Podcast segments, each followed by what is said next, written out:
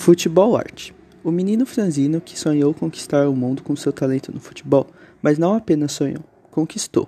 Antes corria no campinho de terra, hoje joga nos estádios dos maiores clubes do mundo.